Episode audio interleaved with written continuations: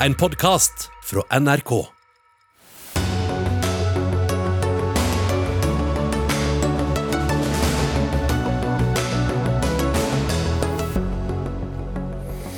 Det tok 50 år. I dag fikk skeive i Norge en offisiell beklagelse fra regjeringen for kriminaliseringen av homoseksuelle handlinger mellom menn. Sent, men godt, sier pioner fra homokampen. Siste frist for å søke høyere utdanning gikk ut for noen timer siden. Høyere utdanningsminister Ola Borten Moes oppfordring til de unge om å søke oljeutdanning har fått MDG til å steile. For første gang har hovedorganisasjonene Unio og LO skilt lag i det statlige lønnsoppgjøret. Bare én av dem vil snakke om skilsmissen i Dagsnytt 18. Og hvor går grensen for hva man kan gjøre i et kirkerom? Vel, å protestere i kapper og bære på døde dyr festet til et kors ser ut til å være svaret. Velkommen til Dagsnytt 18 onsdag. Jeg heter Espen Aas.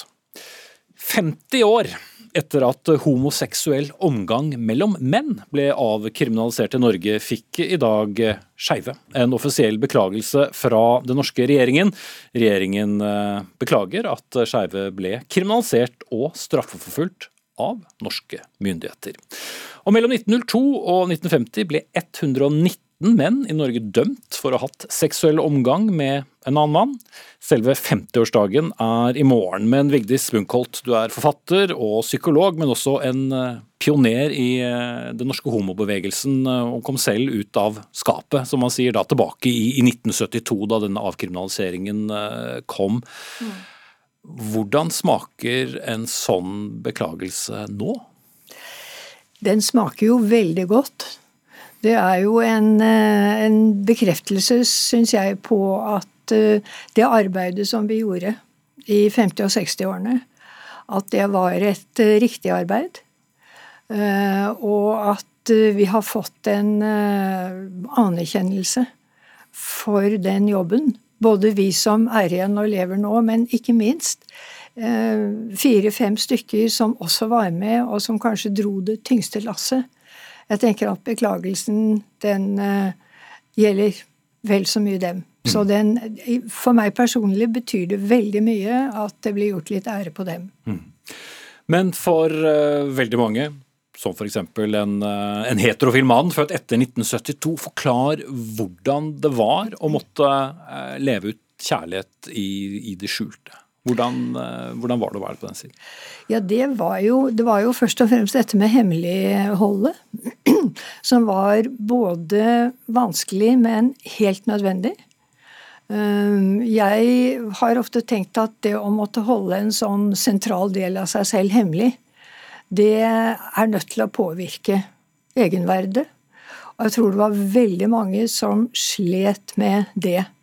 Og samtidig så, så ble det jo skapt noen rom, da. Uh, hvor uh, flere av oss kunne våge å trekke pusten litt uh, friere.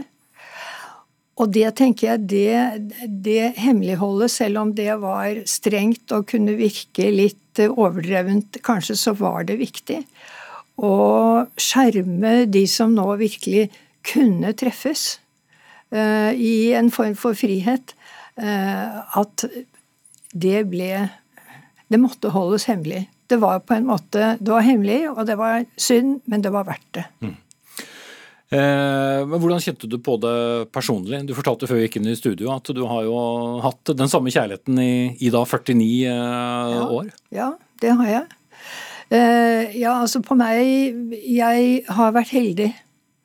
Jeg har ikke opplevd noen form for ubehageligheter.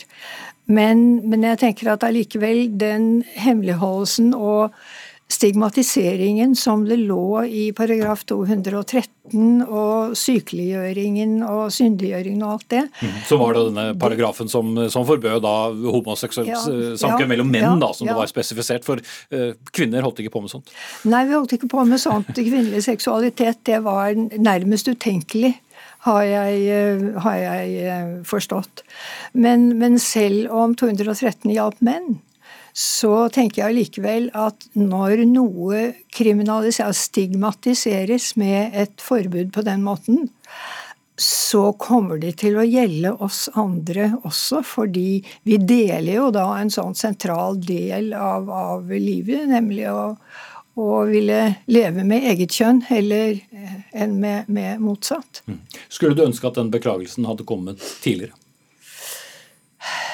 Ja, for å si det sånn, alle beklagelser kommer eh, litt sent. Får du beklagelsen med en gang, så er det jo veldig fint, eh, det. Men det jeg, jeg, tenker at ting må vel skje. Det må være, prosesser må være i gang. Forandringer må, må, må, må skje. Før en begynner å oppdage for alvor hva var det som skjedde før. Og hva kan vi lære av det nå? Så på den måten kan du si ja, alltid kommer det for sent, men kanskje var det tiden for det nå. Vi skal uh, trekke inn ansvarlig statsråd raskt, men uh, etter disse 50 årene, da, hvis du skal se på, på hvordan det er i dag, i, i, i 2022, enn da du møtte mm. hun som ble din kone etter hvert? Mm. Mm. Ja, altså kontrasten kunne ikke være større. Jeg tenkte på det i dag da vi var på, i statsministerens uh, bolig, og tenkte på kontrasten til disse fire som, som satt uh, i, uh, på hospitset, med fire hospitsvegger og fire tjukke murer, murer rundt seg. Og så til det vi opplevde i dag, med, med en vakker ramme og med alle de positive ordene. Så kontrasten er veldig stor. Selv om jeg nok ikke vil si at den er helt uproblematisk. Mm. Det er den ikke. Anette Trettebergstuen, kultur- og likestillingsminister fra Arbeiderpartiet. Hvorfor kommer denne beklagelsen nå? Fordi det er på tide at eh, norske myndigheter tar et uh, moralsk ansvar for og, og, beklager den uretten som er blitt begått mellom homofile på den tiden, men også skeive i ettertiden. Fordi at uh, vi vet jo alle at et stortingsvedtak kan oppheve en paragraf, men uh, paragraf 213 i straffeloven som kriminaliserte Eh, sex mellom menn, eller homofili, da, eh, har eh, prega holdninger i generasjoner etterpå. Så hvorfor det ikke har blitt gjort før, det, det kan ikke jeg svare for, men vi i regjeringa syns det er riktig å gjøre det nå. Og i morgen så er det altså 50 år siden Stortinget vedtok å oppheve paragrafen. Og Derfor syns vi at det er en verdig markering eh, i å si beklager. Mm. Men Blir det da mest symbolsk? Har den egentlig noe verdi i et samfunn som, som Norge i dag, hvor uh, den form for kjærlighet åpenbart ja. fortsatt ikke sluttes å stigmatiseres, som, uh, som Ukolt uh, er inne på. Men For det første så syns jeg alle som, som Vigdis og alle de andre som faktisk var der og tok kampen, og fikk, noen fikk ødelagt sine liv mange, De alle fikk ødelagt mange muligheter i sine liv fordi de måtte leve skjult. Eh, holde kjærligheten skjult, og gi de en oppriktig uh, unnskyldning på vegne av myndighetene som, uh, som holdt seg med denne paragrafen. Så handler det også om å få fram det, at det er bare 50 år siden homofili var forbudt i Norge. Mm. Det vil de fleste tenåringer i dag ikke tro på, mm. men det er sant. Og det er viktig, eh, syns jeg, at Norge nå står opp og sier at det eh, beklager vi, det var urett, det var feil. Eh, det var et menneskesyn som ikke myndighetene burde hatt og stått for. Mm. Fordi at vi ser skumle tendenser rundt oss i verden også. I, all, I, veldig mange land rundt oss så går ting i feil retning. Kvinners rettigheter, minoriteters rettigheter og, og skeives rettigheter er under angrep. Og, og for, for skeive spesielt så blir det vedtatt kriminaliserende lover eh, verden over. Så det er viktig mer enn symbolsk. Um, Men bare for å trekke det hjem igjen, fortsatt, eh, er det lov å tilby homoterapi i Norge? Ja, og det jobber vi også med å forby nå. Det er jo de tingene jeg har sagt at vi skal eh, komme med et lovforslag om om, om kort tid. Så det kommer. Mm. Mm. Men noe vedtak litt... kan være noen år frem i tid, hvis jeg forstår eh, nei, Dagbladet? Det, nei, det, det, altså for å si det sånn, hadde det vært gjort et godt forarbeid av forrige regjering, så skulle vi vedtatt det før påske. Men eh, den jobben var ikke gjort, og jeg skal ha et forbud mot homoterapi. Jeg skal ha et forbud mot å markedsføre den type krenkelse av, av mennesker. Så når den, den lov, det lovforslaget er klart, så, så, kommer det det ikke veldig langt unna. Så vi har mye å jobbe med her hjemme også. og så mm. Dette er en dag for å unnskylde, for å takke Vigdis og pionerene som tok kampen for oss, men også i å peke på at vi lover å ta kampen videre. Videre. Mm. Inge Alexander Gjestvang, du er leder da i FRI, Foreningen for kjønns- og seksualitetsmangfold. Eh, du skal slippe å si at eh, du er fornøyd med dette, og så skal du få lov til å være litt eh, streng. For jeg vet at du syns det kommer i overkant eh, sent. Men når, når, burde en sånn beklagelse ha, ha kommet, og ville den hatt noe mer eller mindre verdi? Altså Hver dag det er en kriminalisering av folks liv, er for mye. Eh, så, så, jeg tenker at det er vanskelig å la Støre-regjeringen nå være ansvarlig for eh, den praksisen og, og det, det lov, lovverket som jo har vært gjeldende i Norge i flere hundre år, faktisk. Helt tilbake til 1100-tallet har det vært kriminelt eh, med homoseksualitet mellom menn. Men jeg tenker som Bunkholt var inne på innledningsvis her nå, at det, det er mange liv, mange skjebner, som har mange mennesker som har endt sine liv for tidlig med skam og sorg fordi deres liv har vært kriminalisert. og deres kjærlighet kjærlighet har vært både straffbar og sjuk og syndig. Mm. Men mye har jo likevel skjedd, og det er 50 år siden eh, avkriminaliseringen eh, skjedde. Da måtte det i så fall kanskje kommet på 70-tallet? Unnskyldningen? Eller? Ja, absolutt. Eh, og som det jo blir nevnt her, så, så, er det jo eh, en større prosess eh, i det hele. Det er noe med at samfunn må modnes. Og dessverre, når det da har gått mange hundre år med sånn type lovgivning, så, så tar det tid før vi kommer dit hvor det er en, en aksept og en forståelse av det mangfoldet som faktisk uh, fins. Mm. Men hva er den største utfordringen uh, for de gruppene som de, hører inn under din uh, forening i dag? Altså, hva, hva, hva, er det regjeringen burde jobbe raskest med?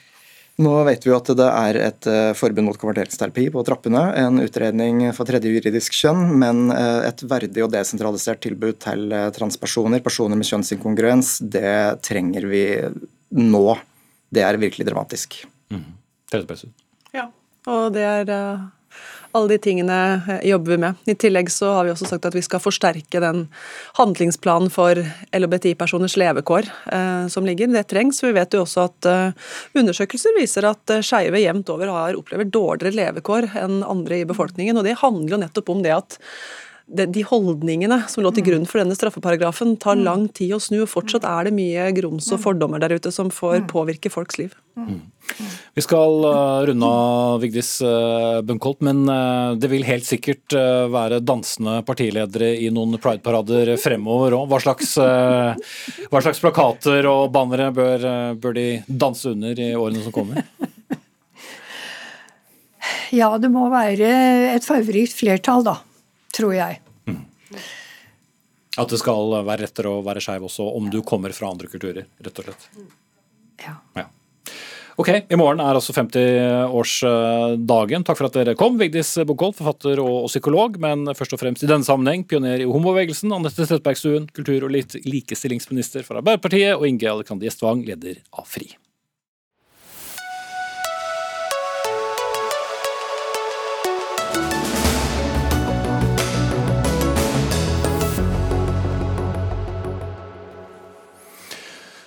Klokken 14 i dag så gikk fristen ut for å søke høyere utdanning gjennom det som heter samordna opptak. Og mens mange kommende studenter muligens i påsken vred hodet for å velge riktig, så kom høyere utdanningsminister Ola Borten Moe til unnsetning med en oppfordring søk på petroleumsrettede utdanninger.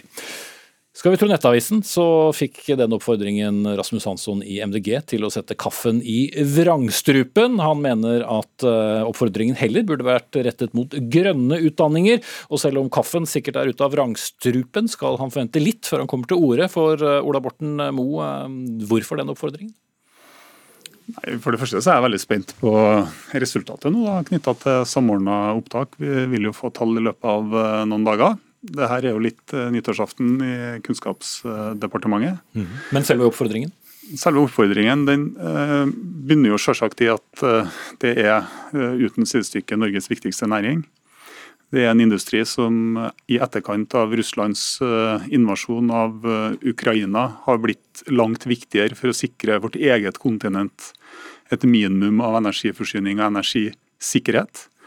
Vi vet at vi er i ferd med å Eh, gå tom, ikke gå tom, da, men altså det, det, har vært synkende oppslutning om petroleumsfag framover. Og vi kommer til å ha et veldig stort behov for å forvalte også i fremtida eh, rike norske olje- og gassressurser. De kommer fremdeles til å bidra med stor verdiskaping. Og så er det sånn at hvis vi ikke klarer å gjøre det her sjøl, eller utnytte her mulighetene sjøl, Vi har nå brukt 50 år på å bygge opp en verdensledende industri innenfor feltet. Men- så, er, men- så, er, så er jo andre nødt til å gjøre det for oss, og det betyr jo selvsagt tapte muligheter. Men du er jo, du er jo statsråd for, for alle utdanninger, og så har du jo den bakgrunnen du selv har innenfor oljenæringen. Før du ble, ble statsråd, kan du se at det kan fremstå som uh, Ja, altså. Jeg er jo også gårdbruker. og Jeg ønsker jo òg at folk skal søke på landbruksfag og naturforvaltning. Eh, Jeg har også påpekt at vi har eh, i et intervju med NRK at vi har behov for massevis av kompetanse innenfor helse- og omsorgsyrkene og læreryrket framover. Så eh, det har kommet mange oppfordringer eh, for meg knytta til hva jeg tror det norske samfunnet utvilsomt tar bruk for i, eh, i fremtida. Det bør være eh, helt uproblematisk å fra min posisjon ivareta det som er sentrale norske interesser. Ok, Rasmus Hansson, stortingsrepresentant fra, fra MDG. Håper kaffen også er ute av vrangstrupen, men for å være seriøst, eh, hvorfor reagerte du?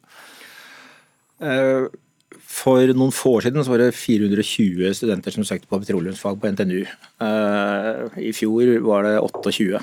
Og det er jo fordi unge mennesker i dag eh, hører og forstår det vitenskapen forteller oss, nemlig at oljevirksomhet er noe vi må slutte med fordi det ødelegger framtida på et nivå som er helt katastrofalt hvis vi ikke holder opp å ødelegge den framtida.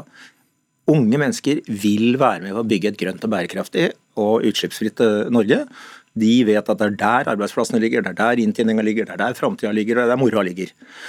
Eh, Og da er det litt trist at kunnskapsministeren, du som forvalter den kunnskapen, som disse, som disse som disse forskning og høyere utdanning, helt enig, flott, som disse ungdommene leser og forstår, at den statsråden som forvalter og er sjef for den sektoren som inneholder den kunnskapen, eh, er den som på en måte sist oppfatter hva forskningen sier.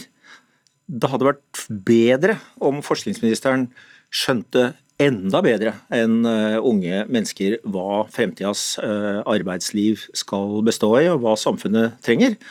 Og at du ikke virker som om arbeidsministeren har glemt, eller forskningsministeren har glemt at han ikke lenger er oljeminister. Eh, Det er det som det, ser litt Britt, merkelig ut her. Nei, altså det, eh, programleder, det, er jo ikke det ikke noe nytt at eh, Senterpartiet og Miljøpartiet De Grønne eller at eh, jeg og Rasmus Hansson er uenige om framtidsperspektivet på norsk sokkel. Eh, jeg kan jo minne forsamlinga om at eh, nå har jo store deler av eh, Europa eh, gjennomført en energipolitikk som eh, MDG ønsker å adoptere. Det har jo vært en, og har vist seg å være en sammenhengende katastrofe. Vi sitter nå med verdens høyeste energipriser, verdens dårligste forsyningssikkerhet. Det er ødeleggende for forbrukere og privatøkonomi, og selvsagt ødeleggende for konkurransekrafta til europeisk og norsk mm. næringsliv. Så kunne Rasmus Hansson sagt, og så har det kommet flere FN-rapporter som burde fortalt Jo, til de unge at de i alle fall ikke burde også, søke seg til oljenæringen. Så er det i tillegg sånn at eh, eh, ja, jeg òg tror også at vi i framtida kommer til å fase inn stadig jeg håper jo det, stadig mer fornybare energikilder. Eh, Miljøbevegelser har jo en tendens til å være imot dem òg, enten det er snakk om eh, vind eller sol eller eh, bio eller vann eller hva det nå skulle være for noen ting. Så det, Dette er jo feil. Altså, Nei, kan ikke du la, ikke. slutte Så- å si sånt? Dette er ikke sant. Eh, Hold deg til sannheten, og så fortsett. ja, hva er man egentlig for? Vi er for en mye større satsing på havvind enn dere er. Vi er for oppgradering av vannkraftverk. Vi er for effektivisering av uh, energibruk. Vi er for sol. Vi er for nye energiformer. Vi er for en mye større og mer ambisiøs satsing på å produsere fornybar energi enn Senterpartiet er. Det er uenig og vi gjør det på en miljømessig fornuftig måte, og det ligger forslag i Stortinget fra oss om å gjøre dette her. Så her må statsråden oppgradere seg, og ikke bare gjenta gamle Senterparti-fordommer som direkte er feil. Men faktum er at vi trenger enorme mengder fornybar energi inn i, i systemene våre for å erstatte eh, både atomkraft, gasskraft, kullkraft og eh, det vi bruker av petroleumsprodukter. Eh, Jeg har ikke lagt merke til at MDG har hatt noen gode forslag til hvordan alle de nye energikildene eller nye kildene skal komme inn i systemene våre. Så er det sånn at så kan man stille seg selv spørsmålet hvordan skal dette gjennomføres? Og Da er det to uomtvistelige faktum som ligger til grunn. og Vi kan være uenige om hvor lenge norsk olje- og gassproduksjon har i framtida. Jeg tror at den framtida er veldig lenge. Eh, demokratisk vennligsinna olje og gass er mye bedre enn diktatorisk olje og gass, enten det er fra Russland eller fra despoti og Så diktatur det i er Midtøsten. rene oljejobber, bare for å forstå det, Ja, som du og så- mener at ungdom bør utdanne seg så- til, som på så er sikt det- kan bli til grønne jobber? Og så er det i tillegg sånn at Hvis man ser på hvilke industrier og hvilke selskap det er som både har den industrielle kapasiteten eh, og den økonomiske løftekrafta til å gjennomføre både havvind, mineralutvinning eh, til havs, det kan være store fornybarprosjekt og andre steder i, både i Norge og i verden, så vil man måtte se til en utvida energibransje.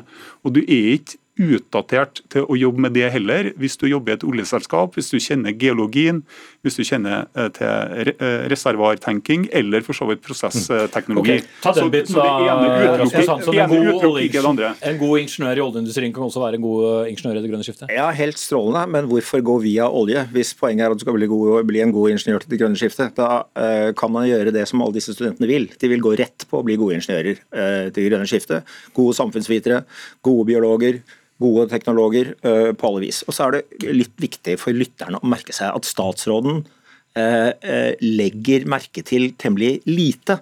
En ting er at vi ikke har lagt merke til at Miljøpartiet De Grønne har et ti ganger så stort forslag til å produsere havvind, fornybar energi, som Senterpartiet har i regjering. Det får nå være ditt problem. Du har tydeligvis heller ikke lagt merke til at den politikken, den energipolitikken som EU fører, og som du beskriver som en sammenhengende katastrofe, er den suverent mest ambisiøse og lovende og fagbaserte klimapolitikken som eh, vi har her i verden. Og det er en helt nødvendig politikk for Norge også å følge opp. Og for øvrig en politikk som din regjering sier den vil følge opp. Det store paradokset med eh, deler av europeisk energipolitikk, og kanskje spesielt tysk energipolitikk, der Miljøpartiet De Grønne hadde hånd på rattet nå i de siste 20 årene, det er jo både at kostnadene går betydelig opp. Det er ingen som betaler så mye som eh, energien. Det er òg et problem for oss, for at vi importerer tyske og europeiske kraftpriser. Forsyningssikkerheten er dårlig, og i tillegg programleder, så går CO2-utslippene opp. For at nå finnes det knapt et kullkraftverk i Europa som ikke går på full fart, rett og slett for at man har fasa ut alt mulig annet man ikke og så er liker. det Og for de, nei, jeg må stoppe der, Rasmus Hansson, tiden er ute. De som trodde dere fikk en debatt om uh, utdanning, fikk uh, noe attåt, skal vi si det sånn. Og så får vi se hvordan det gikk med oppfordringen eh, når vi får eh, tallene om en eh, stund til. Nei, nei, nei, nei, nei. jeg har avsluttet. Rasmus Hansson, stortingsrepresentant fra MDG og forsknings- og høyere utdanningsminister Ola Borten Moe fra Senterpartiet.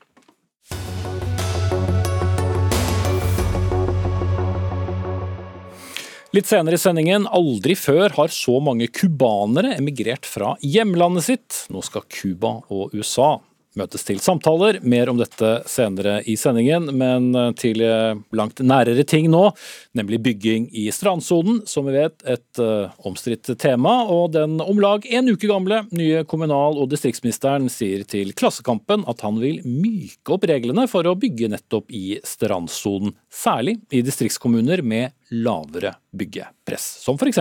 i nord. Dagens lovverk sier at det er forbudt å bygge i landområder som ligger 100 meter fra strandkanten. Sigbjørn Gjelsvik, eh, allerede introdusert per tittel fra Senterpartiet. Hvor bør og må vi myke opp disse reglene? Ja, vi må jo eh, ta utgangspunkt at Norge er jo et langstrakt land, et fantastisk land med veldig store forskjeller. Altså, du har noen områder i Norge der det er veldig mange eh, som, som bor, ganske stort press på, på arealer. Og så er det store områder av eh, Norge der det per i dag er altfor lite press. Altså Der utfordringa er dessverre at det er for lite aktivitet. Det, det er både gjengrodd areal, det er hus som det ikke bor folk i. og Da må vi legge til rette for både ny næringsutvikling og boligbygging. Hvorfor må det- det skje i strandsonen? Jo, men hvis du ser, eh, hvis du ser Norge, både opp gjennom vestlandskysten og, og, og Trøndelag og Nord-Norge, så er jo veldig mye av bosetting er jo nett, nettopp i strandsonen. Altså det vil si et 100-metersbelte fra, fra sjøen. Eh, Hvis du, hvis du tenker geografien, så vil det innebære ganske store del av arealet i de områdene av Norge. Og Poenget er jo nettopp det at vi må, vi må se at Norge er mangfoldig, og da må vi ha ulike løsninger i ulike områder. Vi ønsker en mer differensiert politikk med større handlingsrom lokalt i forhold til å legge til rette for både bosetting og næringsutvikling i de områdene her. Det mener jeg ganske godt å huske at Linda Hofstad Helleland fra Høyre også sa, da hun hadde en ny jobb som hørtes i hvert fall noenlunde lik ut eh, som din. Eh, er det veldig annerledes politikk som kommer fra deg enn fra den forrige regjeringen? Altså det som vi ser og det som vi får tilbakemeldinger på, er jo at det er en utfordring som blir meldt inn fra mange eh, lokalpolitikere rundt forbi i Norge. Mange som ønsker å bosette seg ulike plasser, mange som ønsker å drive næringsutvikling. Jeg er opptatt av at lokalpolitikerne selvsagt skal legge gode planer, vi skal ha gode rammer rundt eh, utvikling. Det er ikke sånn at Norge skal bli, bli styrt ved, ved, ved, dispensasjoner fra planer, men, men nettopp da må kommunene bli gitt handlefrihet til å se de gode lokale løsningene, som òg vil bidra til å ta vare på de verdier, både i forhold til natur, kulturverdier, som har bygd opp gjennom generasjoner. Tror du ikke penger vinner over natur?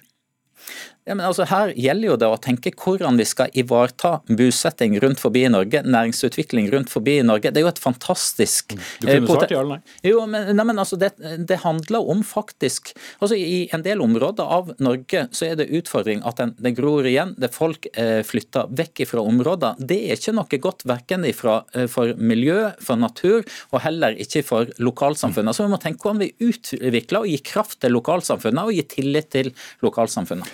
Stil, biolog og generalsekretær i miljøorganisasjonen Sabima. Dere jobber da for å stanse tapet av naturmangfold. Dette har du reagert på, men er det så store inngrep? Man skal jo ikke bygge igjen f.eks. langs Oslofjorden og sørlandskysten? Ja, det statsråden tar til orde for er jo et frislipp eh, og, og, på en måte mye oppmykning av reglene. Og Det som er utgangspunktet her er at vi er i en naturkrise. Dette er det ganske bred politisk enighet om, bred internasjonal enighet om. Og den naturkrisen er ikke lokalisert til Østlandet eller Oslofjorden. Den er over hele landet. Vi har Hver femte art står på rødlista, og vi har ikke så mye natur i Norge som eh, det vi kanskje liker å tro. Men, men har det da noe å si om man bygger eh, noen hus i, i en, uh, en strandsone hvor det knapt er utbygd? Altså Det som er også et feil utgangspunkt her, er at det er så fryktelig vanskelig for kommunene. Det ligger nå inne, det har NRK avslørt gjennom grundig journalistikk, vi mangler faktisk statistikk på dette gjennom offentlig undersøkelse, at vi skal ha, kommunene hytteplaner tilsvarende et areal som Mjøsa. Eh, og Kommunen har i tillegg utbyggingsplaner eh, på et areal tilsvarende Vestfold.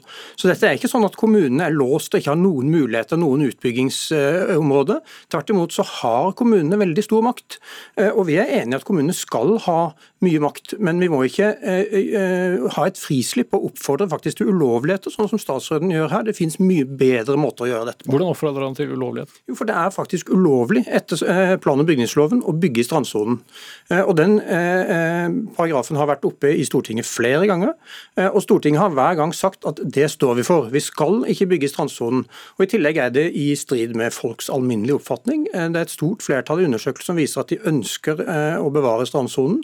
Veldig mange ønsker et absolutt forbud, altså mye strengere enn i dag. Mm, okay. Og det er stort flertall generelt i befolkningen for streng regulering mm, av natur, ikke, ikke oppslipp. Men, men, kjære vene, vi kan ikke ha det sånn i et land som Norge at det skal være forbudt å bygge i strandsoner i hele Norge. Ja, en har regler å forholde seg til, og som kommunene òg forholder seg til, som skal utforme planer i forhold til. Og så har en òg et regelverk i forhold til dispensasjoner hvis det skulle være behov for det. Men hvis, vi må jo tenke gjennom at Norge er et langstrakt land. Det er behov for òg økt aktivitet i forhold til næringsutvikling, i forhold til å utnytte de fantastiske ressursene vi har langs kysten og i havet. Da må vi òg tenke hvordan vi legger til rette for både næringsutvikling og bosetting der. og Da må vi òg eh, bruke strandsoner, men på en fornuftig måte. og Det er altså en helt annen situasjon i, i Oslofjordområdet, der kanskje 70% av strandsonen er båndlagt, kontra i andre områder av av landet der det er kanskje snakk om en, en 20-30 sånn at Det er jo store areal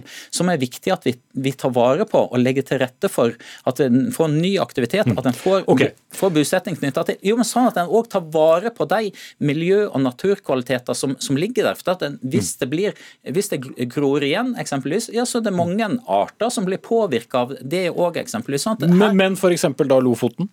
Burde man åpne for mer bygging i strandsonen der? Altså, her gjelder jo det å se lokale forhold og finne de gode, gode løsningene. Det var ikke et nei, i hvert fall?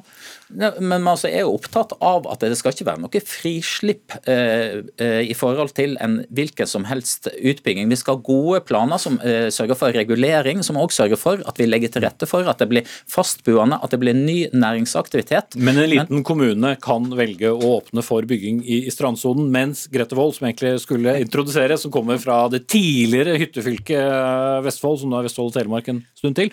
Eh, er, der vil det være eh, strenge regler. Men hvis jeg forstår deg rett, og da medlem av kommunal- og forvaltningskomiteen for SV, så ser du litt begge sider her? Jeg ser litt begge sider. Jeg har forståelse for at eh, man ønsker å ta hele Norge i bruk, og jeg har forståelse for at det finnes kommuner eh, hvor det er utfordrende eh, å ikke også se på regelverket. Men det vi reagerer aller kraftigst på med dette utspillet her, det er jo at man ønsker å tone ned statsforvalterens rolle, først og fremst. For det som statsråden trekker frem som begrensninger her, nemlig strandsonen, kulturminnevern og myrene våre, det er jo en grunn for at vi ønsker å verne dette. Det er jo fordi vi ønsker å ta vare på naturen vår. Og den er jo på ingen måte mindre verdt i nord enn det den er rundt Oslofjorden. Men avtrykket i nord er langt mindre enn her?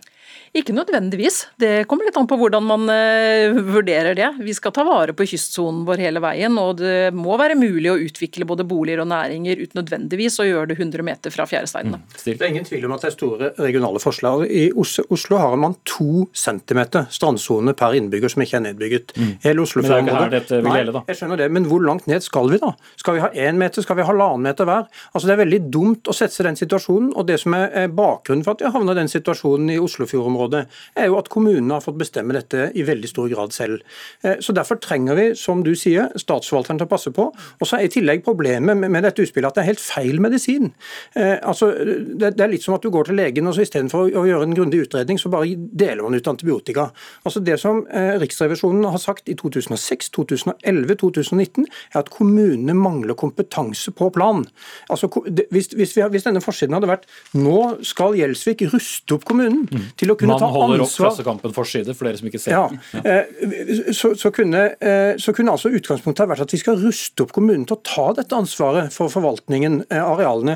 Og Det finnes utredning på utredning fra Riksrevisjonen, fra forskere, fra Sivilombudsmannen, som viser at kommunene mangler denne kompetansen. Mm. Ja. Det mangler ikke arealet, vi mangler en, en orden i denne planleggingsprosessen. Og, gjelder... og, og Hvordan skal man da klare å ha en form for enhetlig politikk når det skal da være forskjellige regler ut fra hvor man eh, bor? Og vil det være det samme regelverket som vil bli brukt i Møre og Romsdal som i Finnmark?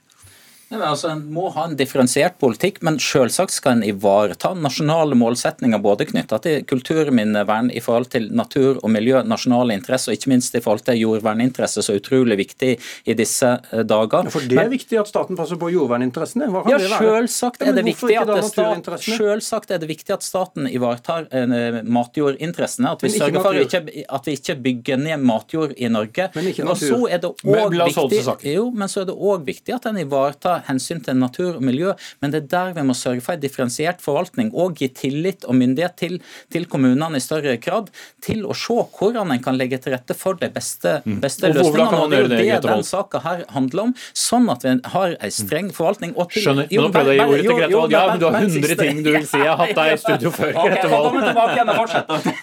Grete Wold. Først og fremst så trenger vi jo en eh, helhetlig og sammenhengende politikk, og vi må jo ha noen som har et overordna ansvar for å se naturinteresser interesser, som må se det regionale nivået, som må se det nasjonale nivået. Og det har jo ikke den enkelte kommune. Den enkelte kommune har ansvar for sin kommune, og da ser vi jo at den måten det nå praktiseres på, det som nå er pressområder i dag, kan fort bli pressområder et annet sted. Og det skal da være statsforvalteren, tidligere fylkesmann? Statsforvalteren er i hvert fall en utrolig viktig kompetanse inn her. og det er som det blir sagt at Kommunene mangler nok også en del kompetanse på dette området. og Det at noen også har et blikk utenfra, det er utrolig viktig. Men for å forstå deg og SV riktig, så er dere åpne for mer bygging enn det som uh, STIL ved andre siden av bordet er? For... Vi må i hvert fall foreta en vurdering fra sak til sak, men overordna sett så er det noen grunnleggende prinsipper som vi ikke kan fire på, og det er å ta vare på naturmangfoldet vårt. Vi sier ikke nei til bygging, eh, men vi sier ja til kompetanse. Og Det er spørsmålet. Det er ganske pussig at Gjelsvik sier at for jordvern så er det veldig viktig at staten og statsforvalteren spiller en aktiv rolle. Men når det gjelder bevaring av natur, så vil du altså kneble eller tone ned i hvert fall statsforvalteren. Det har jo allerede vært gjort, så spørsmålet er skal du fjerne statsforvalteren helt, som kanskje også muligens er ulovlig. Men, men, men, men eh, så, så, så, spørsmålet mitt er, har du tenkt å ruste opp kommunene? Det vil jeg jo tro at var god Senterpartipolitikk. Gi kommunene kompetanse på plan, på miljø. Hvis du altså... setter et punktum, så får du også svar. Ja. ja. Men det er jo, poenget er jo nettopp at statsforvalteren skal gjøre jobben sin. Men det er jo vi som nasjonale politikere som må avgjøre innenfor hva slags ramme som statsforvalteren skal jobbe, hva slags vurderinger som en skal gjøre, i balanse mellom ulike interesser. Og Det er jo nettopp der vi fra den nye regjeringa er veldig tydelige på at en må ha en økt differensiering, der en sørger for en streng forvaltning i de områder som det er veldig sterkt press, men samtidig sørger for økt handlingsrom i noen av de andre områdene i Norge, sånn at vi kan utvikle hele Norge, både sikre bosetting og arbeidsplasser. Men Vil du la ruste opp kommunen til å gjøre den jobben, eller vil du bare gi dem en sånn der bombe i hendene som vil gi masse konflikter lokalt? Kommunene har jo ansvar i dag. De, kommun, det, er jo, det er jo kommunene som okay, Jeg hører at dere kommer ikke til å møtes på dette. Senterpartiet vil ikke ruste opp kommunene, det er ganske fantastisk. Her er et punktum. Kristian Stil, generalsekretær i Sabima, Segbjørn Gjelsvik, kommunal- og distriktsminister fra Senterpartiet, og Grete Wold fra SV, medlem av kommunal- og forvaltningskomiteen.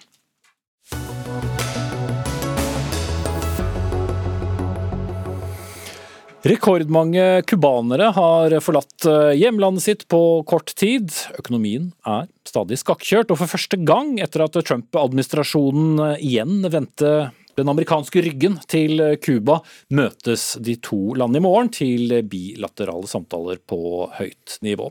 Cuba står stadig på USAs terrorliste, i selskap av bl.a.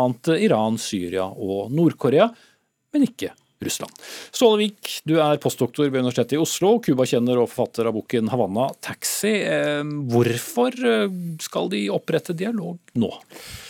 Det er en voldsom strøm av cubanere ut av landet. Det er den største økningen som man har registrert på sørlige grensen til USA uh, i nyere historie. Uh, så det er en voldsom strøm av cubanere gjennom Latin-Amerika og gjennom spesielt Mellom-Amerika, fra Nicaragua nordover, som gjør at uh, USA må forsøke å få kontroll med uh, grensene og finne ut av hva de kan gjøre med den utrolige økningen av folk som beveger seg nordover. Mm.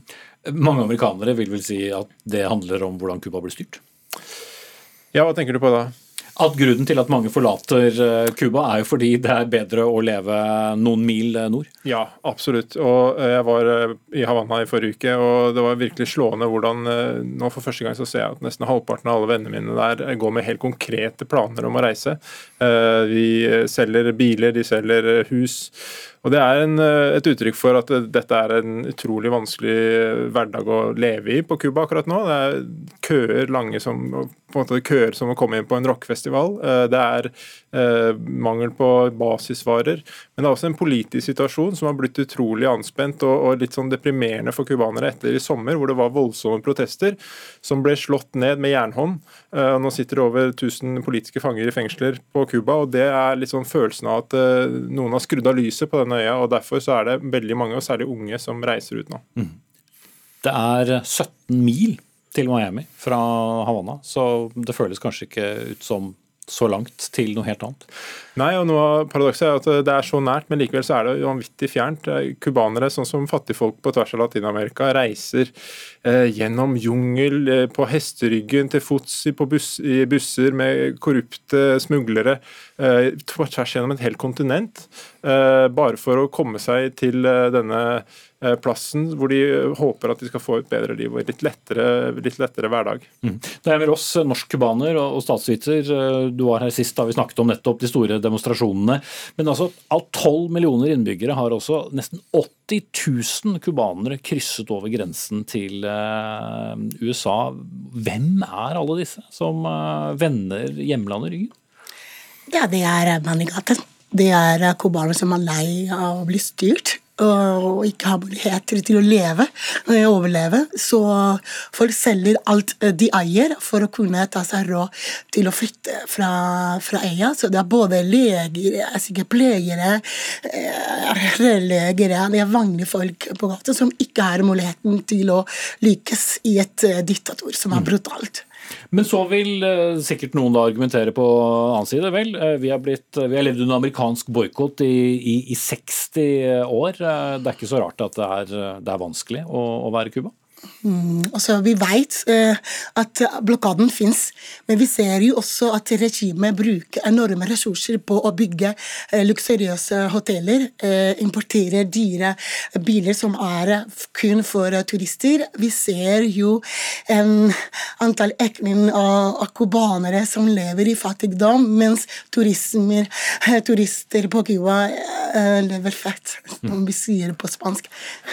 Så, så et klasseskille rett og slett mellom de som faktisk bor der, og de som kommer på besøk. Og som veldig, øker frustrasjonen enda mer. Det er veldig stort.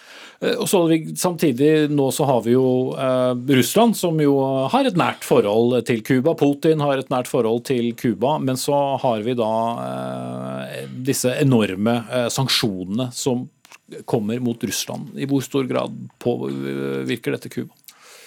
Eh, Cuba er en av de landene som har stemt eh, enten avstått fra å stemme eller stemt med Russland når det gjelder eh, ulike uttalelser i FN om krigen i Ukraina.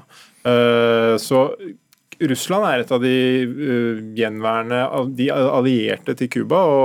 man bruker jo den gamle historien man har med Russland for å forsøke å opprettholde en eller annen slags allianse.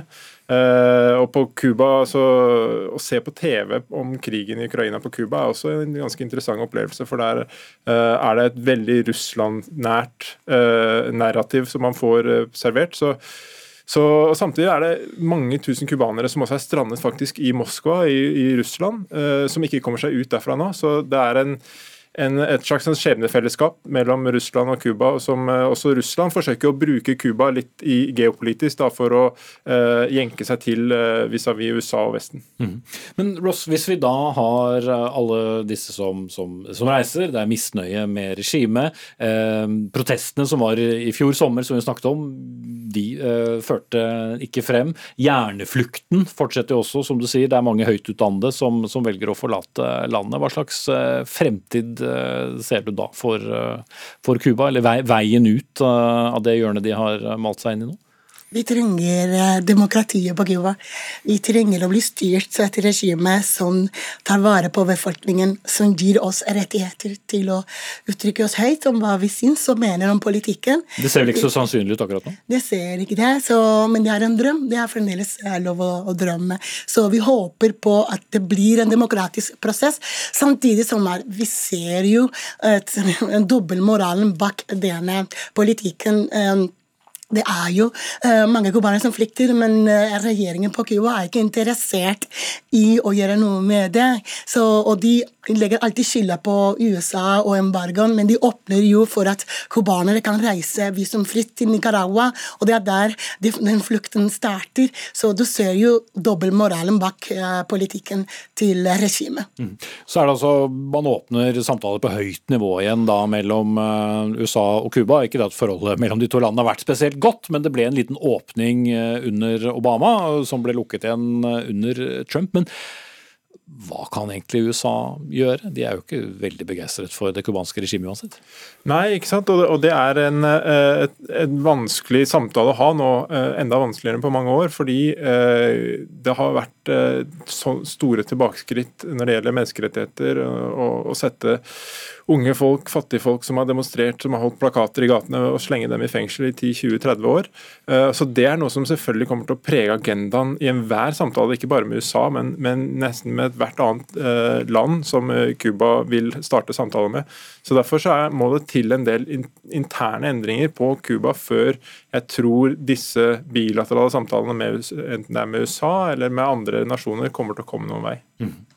Vi får se hvordan det går i morgen. Takk skal dere ha. Ståle Vik, postdoktor ved Universitetet i Oslo, Cuba kjenner, og det er Miros, Norske Baner og statsviter.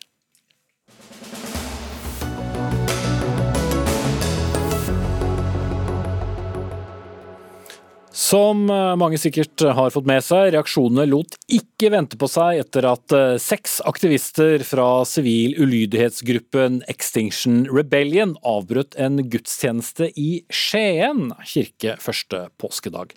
Aktivistene dukket opp uventet med hvitmalte ansikt, ikledd røde kapper og med døde dyr festet til et stort eh, trekors. Flere kirkegjengere har fortalt at de ble redde, og aksjonistene ble også anmodet av politiet om å forlate kirken. Ellen Hagemann, du er eh, teolog, men eh, først og fremst da aksjonist i Extinction Rebellion. Du var en av de seks som deltok på denne protesten. Hva følte du at dere oppnådde? Vi eh, har Ja, først og fremst så vil jeg jo si at det var eh, At jeg gjerne skulle ha hatt denne debatten med biskopen, eh, og at vi altså Men det er som det er, og spørsmålet var ja. altså hva dere håpet på å oppnå, eller hva du synes du har oppnådd? Ja, vi har jo fått satt dette med naturtap på dagsorden. og vi har også fått Vi har også fått mange vil jo kanskje heller si at dere har satt uh, egne aksjonsmetoder på, på dagsorden, uh, og at budskapet har blitt noe underordnet i og med at dette skjedde under en gudstjeneste? Ja, Nå gikk vi jo inn her på kirkas store festdag, på første påskedag. Og, jeg lar deg få en eh, pustepause, og så tar jeg inn Idar Kjølsvik, som også er teolog, professor ved Nord universitet, eh, aktiv også i, i KrF. Hvordan reagerte du på, på denne aksjonen? Nei, eh, først vil jeg si at det er en kristen plikt å ta vare på skaperverket. Eh, så det er vi overhodet ikke uenige om.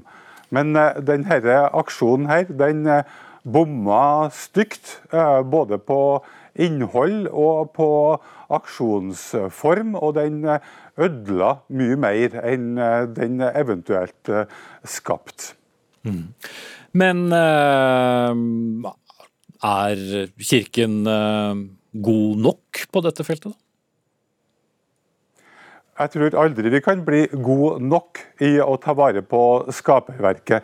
Det er en kontinuerlig prosess som eh, må gå hele tida. Men eh, kirka har eh, kommet langt i dette temaet med klima og miljø, og lenger enn de fleste andre institusjoner i Norge. Derfor så er det full bom å skulle på en måte ta kirka i denne sammenhengen.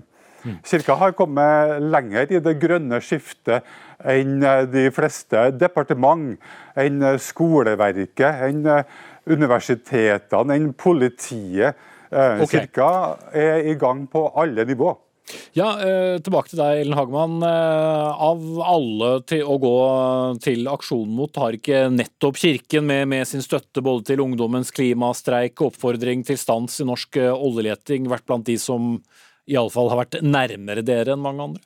Ja, nå må jeg bare beklage at jeg ble så nervøs. Jeg er veldig sliten, kjenner jeg. Um, jo, det stemmer jo, men hvis vi f.eks. ser på andre land, ikke sant, så ser vi jo at uh, prester i hvitsnipp har jo latt seg arrestere for klima- og natursaken. Gå på glattcelle.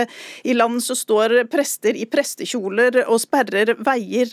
Uh, I Norge så arrangerer vi klimagudstjenester, men kirken går jo ikke ut og er med å aksjonere. Altså, er, det kan godt hende at kirken gjør, altså, gjør ting som er, som er bra også, det, det gjør det jo men vi, må, vi, har tre år på oss. og Dette kommer fra FN. Vi må, altså, vi må ut og aksjonere. Vi må lage en bevegelse der vi eh, påvirker myndighetene med forstyrrende sivil ulydighet. Eh, men skal som, Kirken gjøre det? Ja, det er også Kirkens rolle. Altså, eh, kirken har også et ansvar, et historisk ansvar. Altså, en, av de grunne, en av tingene som vi ville sette søkelyset på, er jo nettopp det at eh, altså Problemet starter på en måte på eh, Bibelens første sider. Vi er nødt til å lese hele altså Bibelen på nytt i klima, med klimakrisas briller, fordi at mennesket blir satt over resten av skaperverket. Og det har jo vært med på å legitimere nesten, nettopp dette at vi kan ta oss til rette i naturen sånn som vi gjør, og sånn som den vestlige kulturen eh, gjør nå. Og dette her må Kirken også være med og si at vi har preget dette verdensbildet. og Det må vi ta ansvar for og selvkritikk på. og Så må vi gå ut og aksjonere. og som sagt, Vi har tre år på oss. og Det er viktig at Kirka bidrar. Det nytter ikke å ha klimagudstjenester eller grønne menigheter og lulle seg inn i altså ta vare på sin egen dårlige samvittighet. Mm. Vi er nødt til å handle. Ok, Jeg tror budskapet er uh sagt et par ganger der. Eh, Kjølsvik, eh, Kirken som aksjonister. Kirka han handler jo på alle nivå. Og den gjør jo faktisk noe som funker, og som bidrar til både klima og miljø. Og Det Hagemann sier her, det er jo eh, veldig gammelt nytt. Eh, det store gjennombruddet i evangelisk teologi det kom i 1990 med professor Jørgen Moltmann sin bok 'Gott in der Schöpfung'. Der vi nettopp i teologien har lært oss å lese Bibelen på nytt og tenke på nytt på en måte som Hagmann her etterlyser. Det, her, det, det var helt for min egen del i Tyskland allerede på 90-tallet. Uh, ja. Hagman. Nei, men dette, dette, stemmer jo ikke. Altså, hvis, hvis kirka, ikke sant? Kirke, eh, kirka må snakke sant. Sannheten må lyde fra norske prekestoler om hvor alvorlig denne krisa er. Og Da nytter det ikke at du henviser til en eller annen bok som er skrevet for lenge siden, og som ikke, som ikke folk leser. Altså, vi, vi, må si sannheten om hvor alvorlig dette er, og så må vi ut og handle. og Det er det dette handler om. ikke sant? Mm. Det handler ikke, handler ikke, om at teologer sitter og diskuterer med hverandre på bakrommet. Mm. Nå er det aksjon som, som må til, og vi må okay. påvirke påvirke ansvarlige myndigheter, og det er like mye kirkas ansvar som alle andre. Det har du gjentatt. Politiet har nå opprettet uh, sak etter denne hendelsen her, da, Hagemann, og skal etterforske bl.a. om dere brøt loven ved å vise hensynsløs oppførsel, og om dere har brutt straffeloven om ordensforstyrrelse. Var kanskje ikke helt det du ville oppnå? Eh, dette var ment som det vi kaller en grønn aksjon, hvor, eh, og vi hadde varsla politiet på forhånd. Altså, politiet har hatt eh, problemer med sin interne kommunikasjon, og de tok full selvkritikk også på Kirkebakken etterpå. Men en annen ting er at det er ikke så farlig for oss altså Jeg satt på glattcelle for noen uker siden etter å ha lenka meg fast i en tankbil på Sjusjøya i Oslo. Det hadde også mange av de andre aksjonistene som var i kirka den dagen. Og vi tar våre bøter, og om vi, om vi får bli straffeforfulgt for dette her, det spiller ingen rolle. Det er bagateller i en veldig viktig krisesituasjon. Ja. Idar eh, Kjølsvik, til slutt, eh, hva blir stående igjen, tror du, av denne aksjonen? Nei, at dette er ikke en måte som eh, kristne og kirka skal drive miljøaktivisme. Her ble en høgtidsgudstjeneste ødelagt, en dåpsgudstjeneste ødelagt for familien, og folk var redd for terrorister.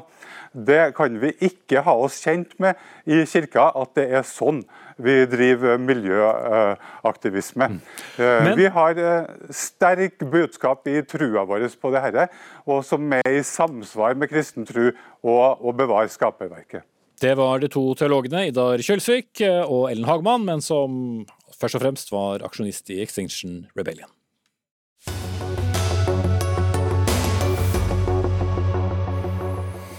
Så til det som eh, så ut til å være en ganske overraskende skilsmisse i årets offentlige lønnsoppgjør. For første gang så vil ikke hovedorganisasjonen Unio samarbeide med landets største organisasjon, LO, i oppgjøret med staten, fortalte VG i morges. I stedet vil de samarbeide med den nest største i statlig sektor, nemlig Akademikerne, som brøt ut av samarbeidet tilbake i 2016. Unio organiserer blant andre lærere og sykepleiere. Og Forhandlingsleder for Unio, Guro Lind, eh, oppgjøret deres startet eh, i dag, og du kommer derfra nå. Men eh, ikke sammen med LO Stat. Hvorfor ikke? Vi samarbeider jo veldig godt med LO og alle hovedsammenslutningene på veldig mange områder, men akkurat når det gjelder tariff, så har vi med oss et veldig alvorlig tallgrunnlag inn i dette oppgjøret. Eh, og det viser at utdanningsgruppene i staten de har hatt en solid mindrelønnsutvikling over lang tid. Det er en rapport nylig som er lagd av Statistisk sentralbyrå som viser at de som har hatt den høyeste lønnsutviklingen i staten, er de som har de korteste utdanningene. Det er de med videregående skole og grunnskole som høyeste utdanning.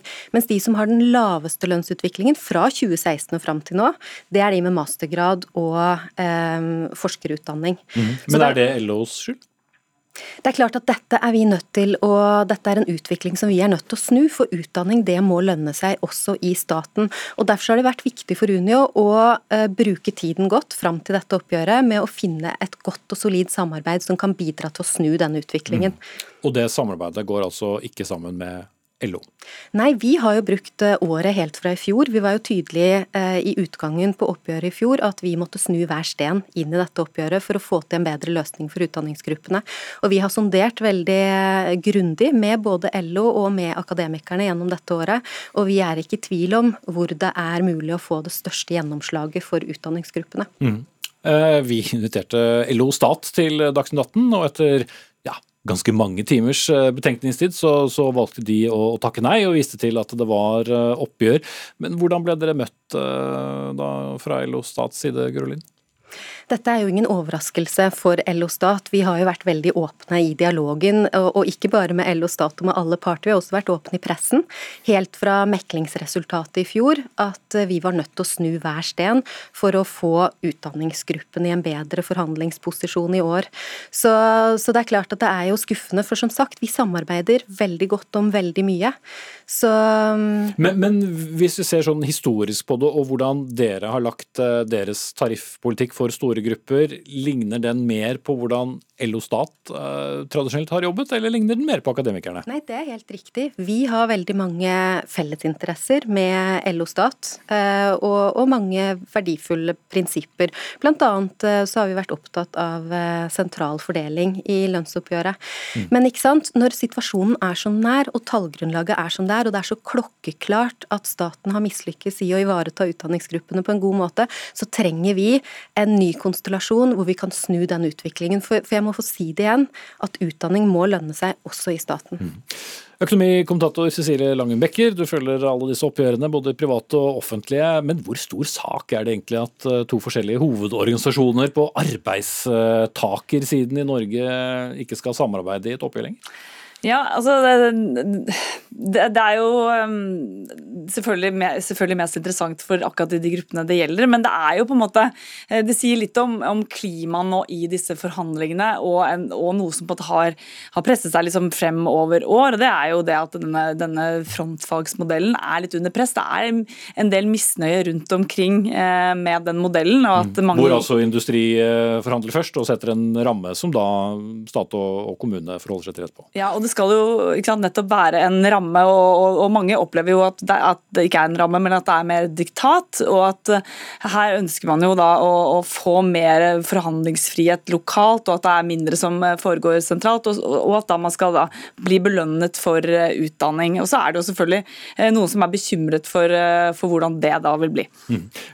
LO organiserer jo store grupper. De industriarbeiderne er i LO-familien. Sykepleiere er i LO-familien, folk med høy utdanning er også i, i LO-familien. Så hvor vanskelig blir denne saken da, når to grupper, eh, som eh, Akademikerne og, og, Unio, sier at nei, vi skal ikke skli på kjelelemmen sammen lenger?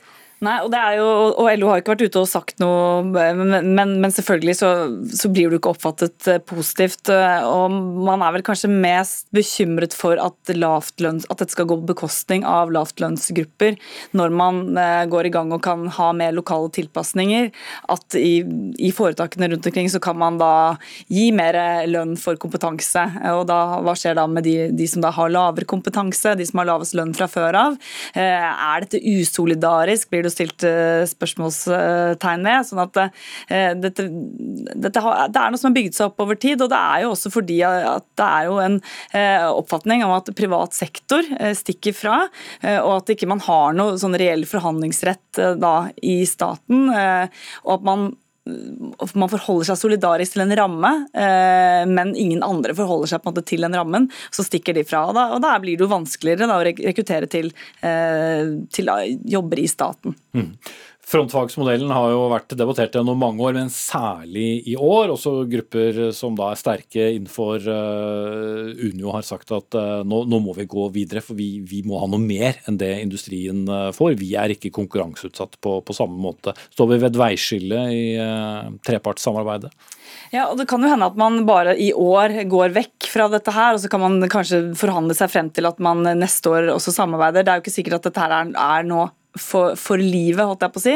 Eh, men det er kanskje det som da skal til for å få i land dette oppgjøret. At man får lov til å eh, forhandle eh, med mer med da, sammen med akademikerne. Så kan man jo se for seg eh, Dere har vel ikke lukket døren helt for at eh, dere kan gå tilbake til, en annen, til, til å samarbeide med LO senere? Skal vi slippe å svare på det, for jeg må si takk til dere. Cecilie Rangen Becker, økonomikommentator i NRK. Forhandlingsleder for Unio, Guro Lind. Ansvarlig for dagens sending, Anne Katrine Førli. Lisbeth Sellereite tok seg av det tekniske. Jeg heter Espen Aas, og vi er tilbake igjen med ny sending. Samme tid, samme sted og alt det der i morgen. Takk for i kveld.